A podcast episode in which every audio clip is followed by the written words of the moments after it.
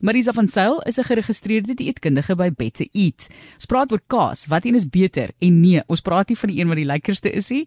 Ons praat ook nie van die een wat die beste trek op 'n pizza nie. Ons praat van die gesondste een. Baie welkom Marisa. Is 'n is 'n moeilike een hierdie want kaas is almal lekker hoor. Jo. O, oh, dit is dankie, dankie maar please. Ja, dit is baie lekker om net 'n bietjie sinne vir te gaan kyk, jy weet wat is of daar enige nuwe navorsing is rondom die kaas en gelukkig fantasties is daar ehm um, net 'n bietjie slegte nuus en meer goeie nuus as slegte nuus. Dis ek is bly om dit te hoor. Ek moet sê ek dink die een wat die gesondste is wat ek bietjie geoplees het, is een van my gunstelinge eintlik, maar dis nou nie iets wat werk vir trekkerigheid op 'n pizza nie. Maar kom ons praat bietjie net oor die voedingswaarde van kaas en soos ek vroeër genoem het, baie mense dink aan vet en daai tipe van ding, maar 'n mens neem ook in ag hoe baie proteïene daar baie keer ook in kaas is of in alle kosse moet jy dit in ag neem, want dit is natuurlik een van die grootste waarde. Ja, verseker. So ehm um, ek dink in die ou dae toe toe ehm um, daar weet begin met oogklappe na goed so gekyk is in terme van jy weet as dit nie laaf vet is nie dan is dit dan kan dit nie goed wees nie. Ehm um, het, het mense natuurlik hierdie kaas kon koop wat ek dink jy kry dit seker nog steeds wat so half rubberig is. Want ehm um, deel van kaas se lekkerte is juist dat dit baie vet in het en dit is baie interessant van die vet alhoewel die vet wat in in die kaas is is gewoonlik 'n um, hoër hoeveelheid versadigde vet is daar geweldig um uh baie voordele. Die feit dat um jy die vet in kaas het. So byvoorbeeld Vitamiene A um van dierlike bronne is nie so maklik om in te kry um en kaas is een van die beste bronne van Vitamiene A. Nou Vitamiene A is byvoorbeeld geweldig belangrik vir nagsig, um, dit is belangrik vir jou vel, dit is belangrik vir jou immuunstelsel, dit is belangrik vir jou vir jou spysverteringsstelsel. Ehm um, so kaas is 'n fantastiese bron van vitamine A, kaas is ook 'n wonderlike bron van vitamine K. Nou vitamine K is interessant want vitamine K werk saam met vitamine D om kalsium wat ehm um, ook natuurlik 'n belangrike mineraal is in kaas in die bloed ehm um, te stabiliseer. As jy vitamine ehm um, die inneem en jy neem kalsium in sonder dat jy genoeg vitamine K in jou liggaam aan boord het, dan kan daai kalsium of byvoorbeeld 'n kalsium supplement, dan kan daai kalsium gaan gaan sit in jou are en en bydra tot aar ehm um, verharding. So dis iets wat mense wil hê. So kaas is een van jou voedselprodukte wat um, hoog is in 'n baie absorbeerbare vorm van Vitamiene K. En dan het jy ook het ook 'n goeie bron van kaas is ook 'n goeie bron van sink en soos jy gesê het proteïene en jou proteïen inhoud um en jou kalsium inhoud gaan dit vol saam. So as jy hoor die proteïen inhoud in jou kaas is hoe hoër gaan jou kalsium ook inhoud ook in jou kaas wees so 'n manier om maklik te weet um of jou kaas hoër proteïene gaan hê is om te kyk na hoe hard die kaas is. So hoe harder die kaas is byvoorbeeld 'n parmesan kaas hoe hoër gaan die proteïen inhoud wees hoe sagter die kaas is hoe laag gaan die proteïen inhoud wees. So jou proteïen inhoud gaan byvoorbeeld 'n maaskaas gaan heelwat laer wees as jou proteïen inhoud van 'n parmesaankaas. So kaas is oor die algemeen die die fokus op vet en dat dit laag vet is is, is net 'n klein klein deeltjie van die prentjie. Um en 'n mens kan eintlik heelwat meer um kyk na die dan die spektrum van voedingsstowwe wat wat um beskikbaar is vir mense van kaas af. En natuurlik is kaas 'n goeie as mens nou gaan kyk na hoe jy weet nie net wat dit voedselproduk aan ons doen maar ook wat die impak is van ons keuses op die omgewing, dan is die impak van 'n kaas byvoorbeeld 'n gefermenteerde um, produk is heelwat laer as rooi vleis. So dit is 'n dit is 'n uh, 'n groot prentjie vir die omgewing, is dit 'n beter ehm um, 'n goeie alternatief tot byvoorbeeld um, rooi vleis. So alles en alles ek sê in op 'n skaal ehm um, is dit in terme van voedingswaarde is dit ehm um, baie baie goeie ehm um, voedsel om in te sluit in jou in jou eetpatrone. Okay, so sy het gesê is goed om in te sluit nie om jou te pletter te ere aan nie. Ek sê altyd ja, koffie is goed vir jou. Glasie van dit is goed vir jou en dan jy weet, gaan jy mens oorboord. Maar okay, kom ons kyk na die nadele ook en ek dink aan die einde uit die ding wat mense op die ou end wil weet is goed, wat is goed in terme van voedselwaarde, maar wat is ook die gesondste dalk vir gewig in balans hou. Ek dink dit is wat mense maar meestal aan dink ongelukkig. Eintlik moet mense maar net fokus op die voedselwaarde. Ja. Maar kom ons kyk na die nadele. Jy het verwys na die hoë vet inhoud. Ek is baie lief vir parmesan kaas, ongelukkig blykbaar daar dan nou meer vet. En ehm um, jy het vroeër verwys ook na Maaskaas wat hierdie massiewe oplewing iewes skielik het.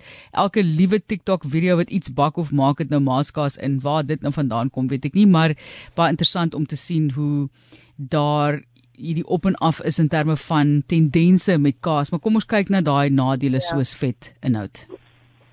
Ja, so ek ek sou sê die, die, grootste nadeel, um, as jy net gaan kyk na die kaas en en en dit is iets wat maklik beheerbaar is, gaan eintlik maar net oor die hoeveelheid. So die voordele, die voordele van die kaas is byvoorbeeld dat kaas bevat um, uh, iets wat mens noem peptide. Dit is maar proteïene wat afgebreek is in klein deeltjies wat eintlik vir jou 'n uh, eh, verlaging in jou bloeddruk kan gee wat wat um, en die peptide is ook positief vir jou spysverteringsstelsel wat um, 'n rol speel in gewig um, hantering. So die die peptide is amper soos 'n vitamiene vir die vir die organisme en jou um, in jou spysvertering wat betrokke is daarbey om jou gewig vir jou te help handhaaf. Dis nie net jy wat die werk doen nie. So as jou spysvertering nie in balans is nie dan is jou kans dat jy ook sukkel met gewigsprobleme. Daar's 'n korrelasie tussen 'n wanorde in jou spysverteringsstelsel en en oorgewig.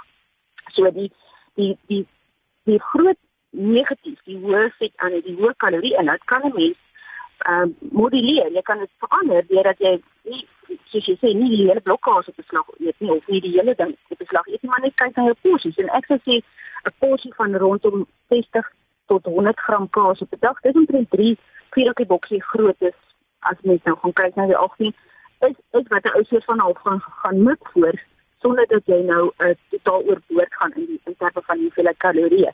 Maar soos jy sê, dis nie net altyd bysit nie. So kaas kan byvoorbeeld miskien 'n ander 'n ander voedsel waarvan jy gereeld eet, miskien 'n geproseserde vleis, miskien eet jy goed soos beloning of of weentworsies of daai tipe van goed. Jy kan miskien liewer daai goed bietjie minder maak en liewer 'n bietjie meer kaas eet. En dan gaan jy eintlik baie 'n baie positiewe impak hê. Natuurlik, die kaas bevat ook meeste kaas, behalwe die kotta kaas wat gemaak word van die van die wei deel van die melk.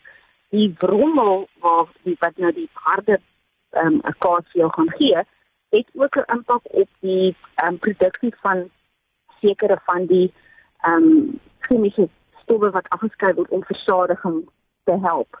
Ehm um, jy, jy het nou genoem voor ehm um, voor dit dat volgende week praat julle oor die medikasie Ozempic.